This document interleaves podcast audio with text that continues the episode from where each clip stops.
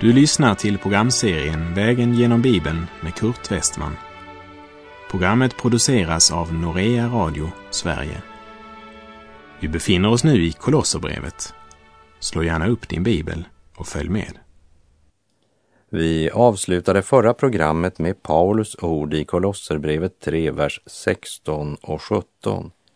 Låt Kristi ord rikligt bo hos er med all sin vishet undervisa och förmana varandra med salmer och hymner och andliga sånger och sjung med tacksamhet Guds lov i era hjärtan. Och allt vad ni gör i ord eller handling, gör det i Herren Jesu namn och tacka Gud, Fadern, genom honom. Det är Bibelns norm för kristen livsförsel.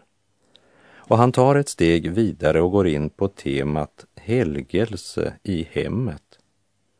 Vi märker att det är en del av trådarna som han tog upp med församlingen i Efesus som också kommer upp här. Där han gav dem förmaningen att låta sig uppfyllas av Anden. Och så gav han dem liknande instruktioner. Här till de troende i Kolosse skriver han Låt Kristi ord rikligt bo hos er med all sin visdom. Och sedan ger han praktiska, jordnära instruktioner för livet. Vad vill det egentligen säga att vara uppfylld av Anden? Det betyder att du också måste vara fylld av Kristi ord. Skriften är inspirerad av Gud och om Guds ord rikligt får bo hos dig och Guds helige ande får uppenbara detta ord för dig, då uppfylls ditt liv av Guds helige ande. Romarbrevets första kapitel talar om att den som inte ansåg det vara något värt att ha kunskap om Gud utelämnade Gud åt ett ovärdigt sinnelag så att de gjorde sådant som är mot naturen.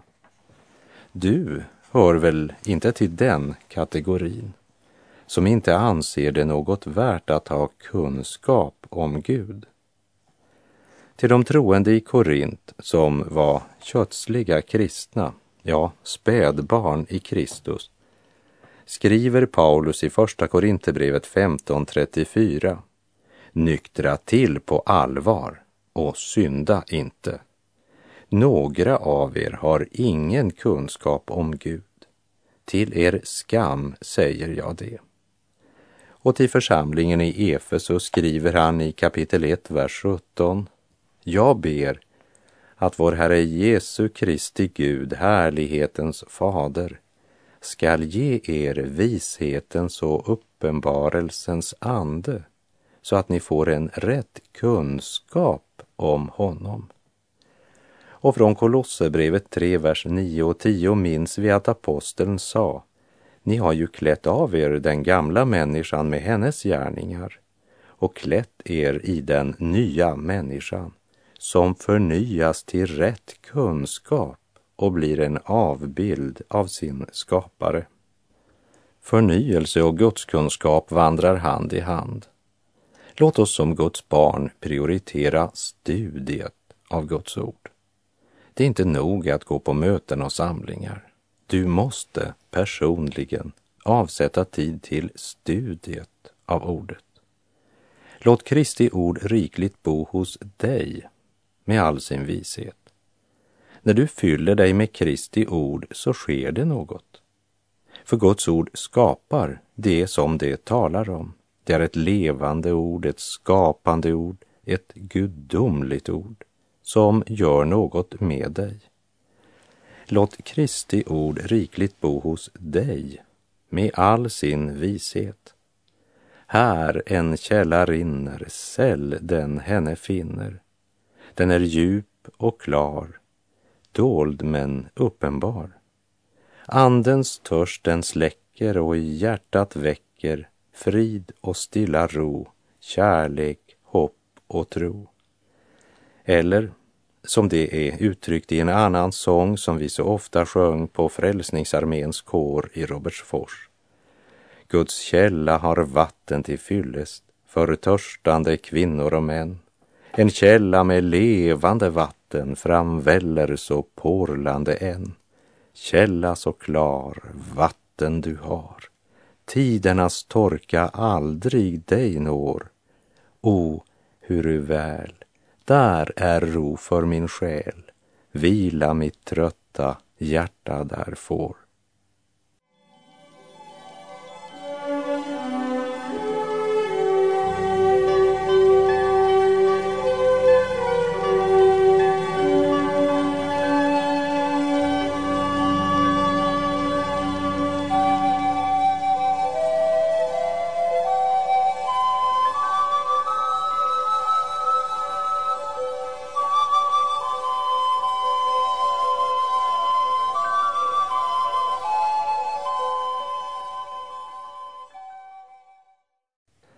Efter att ha påmint dem om att de ska låta Kristi ord rikligt bo hos dem med all sin vishet och påmint om att allt vad de gjorde i ord eller handling, det skulle de göra i Herren Jesu namn och tacka Gud.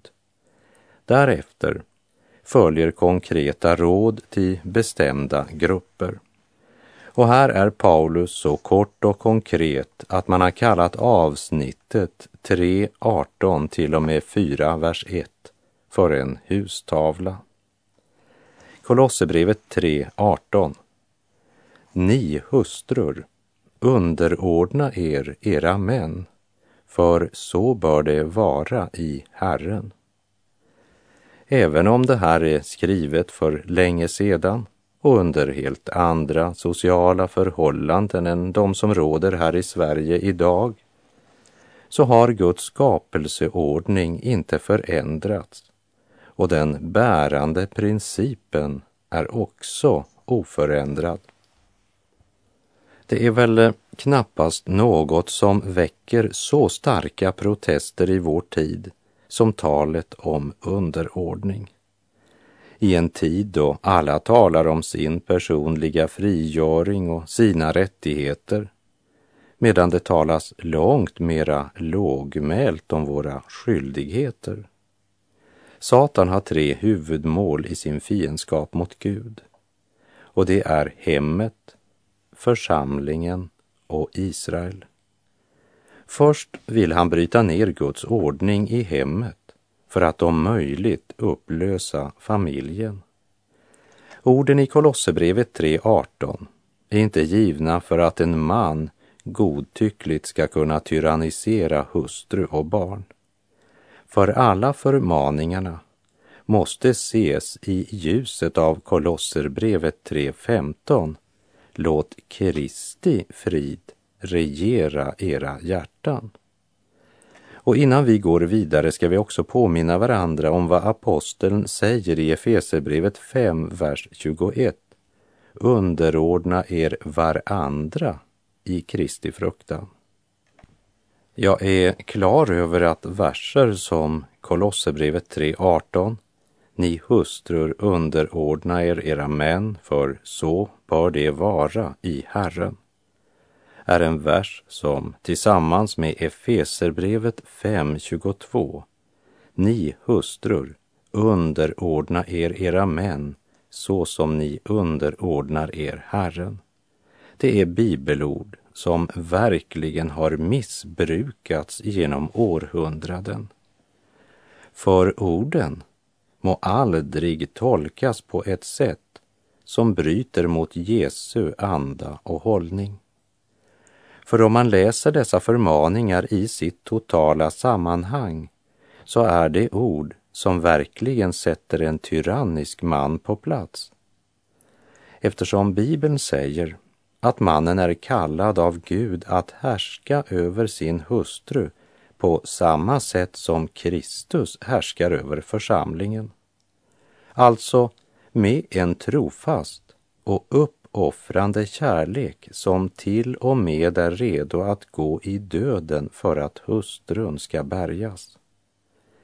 Läs gärna genom hela Efeserbrevet och hela Kolosserbrevet så ser du att kvinnan ska inte underordna sig vilken som helst man, utan en man som härskar på samma sätt som Kristus gjorde när han tvättade lärjungarnas fötter. Han som var deras herre. Och en sådan herre är det gott att få lov att underordna sig. Om en man misshandlar sin hustru så vill jag råda kvinnan att lämna honom.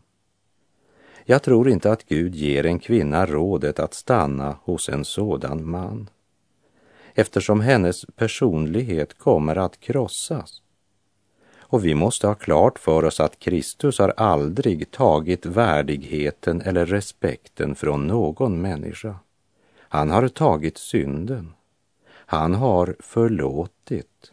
Han har helat och upprättat. Guds ord ger sannerligen inte mannen rätt att egoistiskt och hårt styra den familj som Gud har satt honom att förvalta. Och för säkerhets skull döms hårdheten i klartext. Kolosserbrevet 3.19. Ni män, älska era hustrur och var inte hårda mot dem. Ja, det står så. Och här kan vi påminna om orden från Efeserbrevet 5.25. Ni män, älska era hustrur så som Kristus har älskat församlingen och offrat sig för den. Handen på hjärtat, kära man. Hur mycket har du offrat dig för din hustru? Och du visar väl din kärlek till henne? För det är en man som älskar och ärar sin hustru, som hon förmanas att underordna sig. Så det är ganska allvarligt att vara man, i alla fall om man tror på Jesus och önskar sitt liv inrättat efter vad han säger.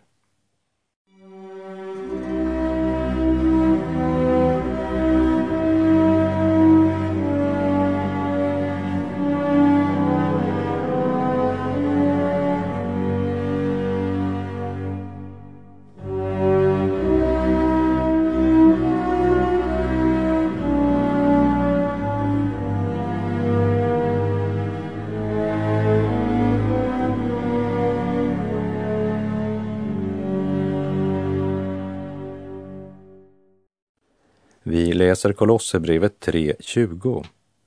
Ni barn, lyd era föräldrar i allt. Det är Herrens goda vilja. När Paulus i sitt andra brev till Timoteus talar om all den ondska och kärlekslöshet som ska råda vid slutet av den här tidsåldern, strax innan Jesus kommer tillbaka, så nämner han bland annat att människorna kommer att älska sig själva och vara penningkära, skrytsamma, stolta, hånfulla, olydiga mot sina föräldrar, otacksamma, gudlösa och så vidare. Ni barn, lyd era föräldrar, förmanar aposteln.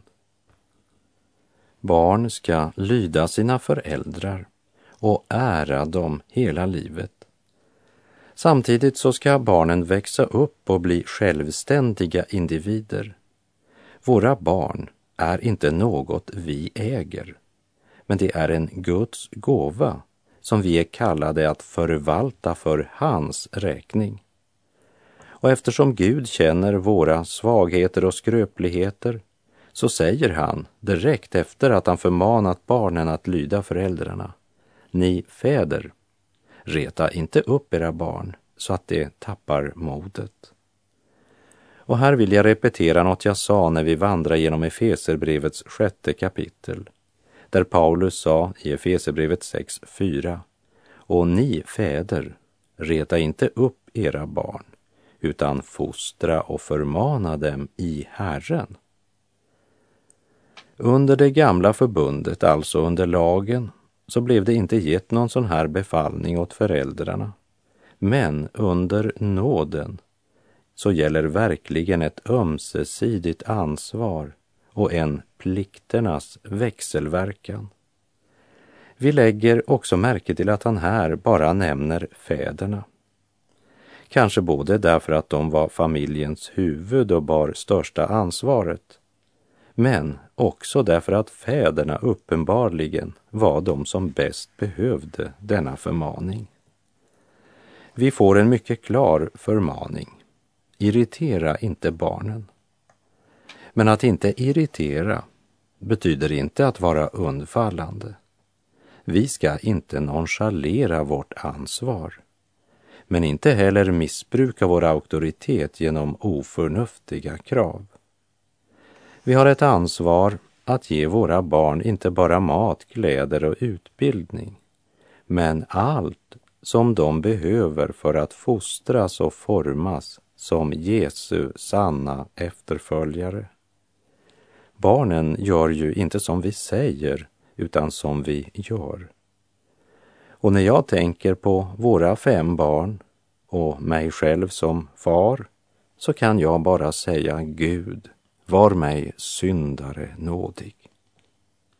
Barn, lyd era föräldrar. Föräldrar, reta inte upp era barn. Och här behöver vi både som barn och föräldrar varandras förbön. Guds nåd, Guds ords vägledning och den helige Andes kraft. Så vi blev lite mindre ivriga att reformera alla andra och lite ivrigare att revidera våra egna liv.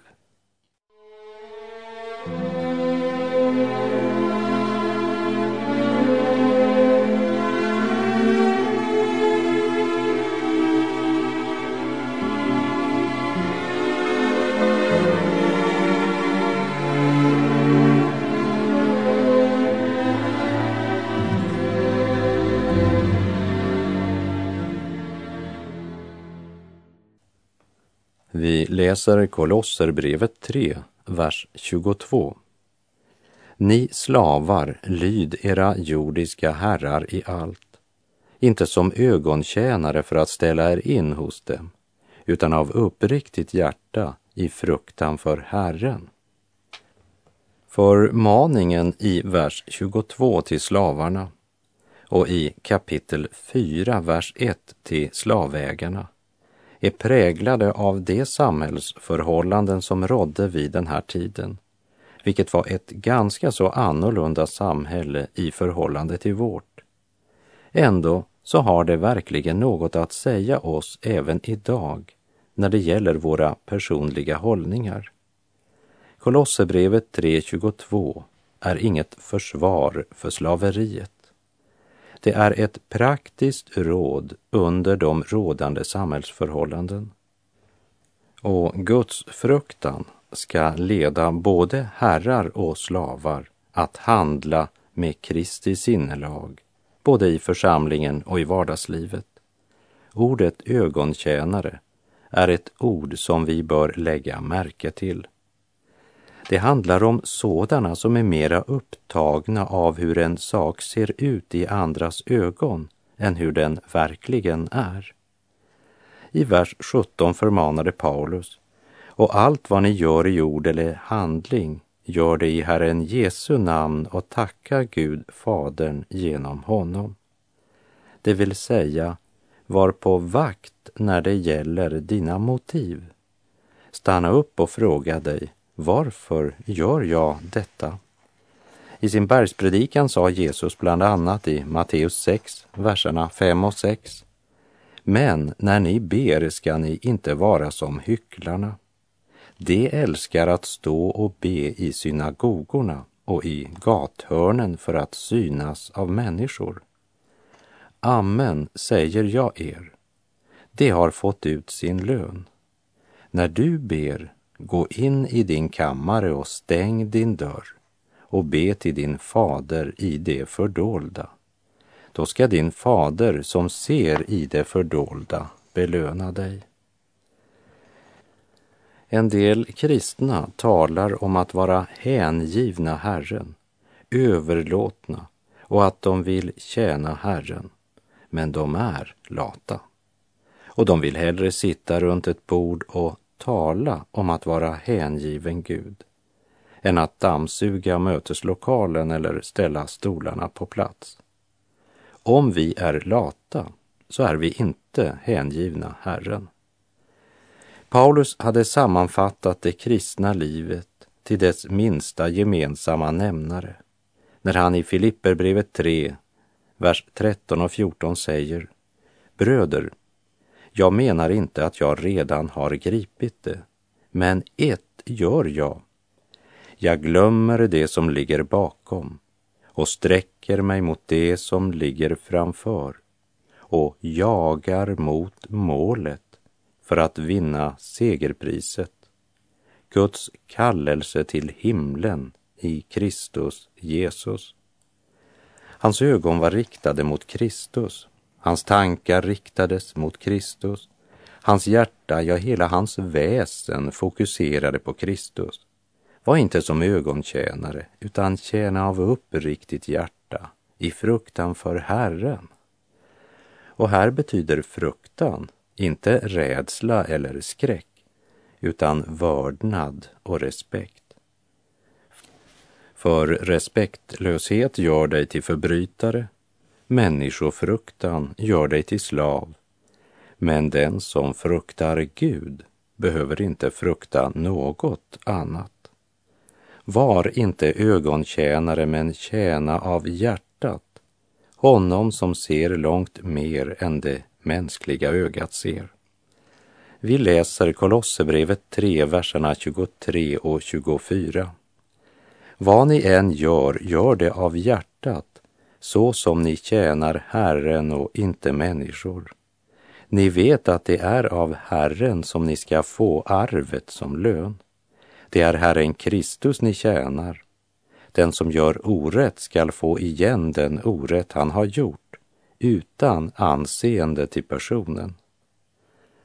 Arvet de ska få som lön är inte en tom tröst till underkuvade slavar, utan en levande verklighet som alla Guds barn alltid borde ha för ögonen. Tänk på det som är där ovan, inte på det som är på jorden, sa Paulus i vers 2. Eller som han skrev till de troende i Korint, Andra Korinthierbrevet 4.18. Vi riktar inte blicken mot det synliga utan mot det osynliga. Ty det synliga är förgängligt, men det osynliga är evigt. Och det vi gör, det ska vi göra av hjärtat. Och det du inte kan göra av hjärtat och med iver inför Herren, ja, då blir det fel oberoende av vad du gör. När någon frågar mig, borde jag göra detta eller är det rätt av mig att gå dit eller dit?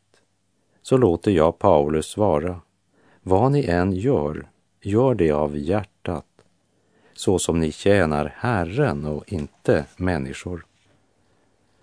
Vi ska komma ihåg att det är Herren Kristus vi tjänar och att den som gör orätt ska få igen den orätt han har gjort utan anseende till personen.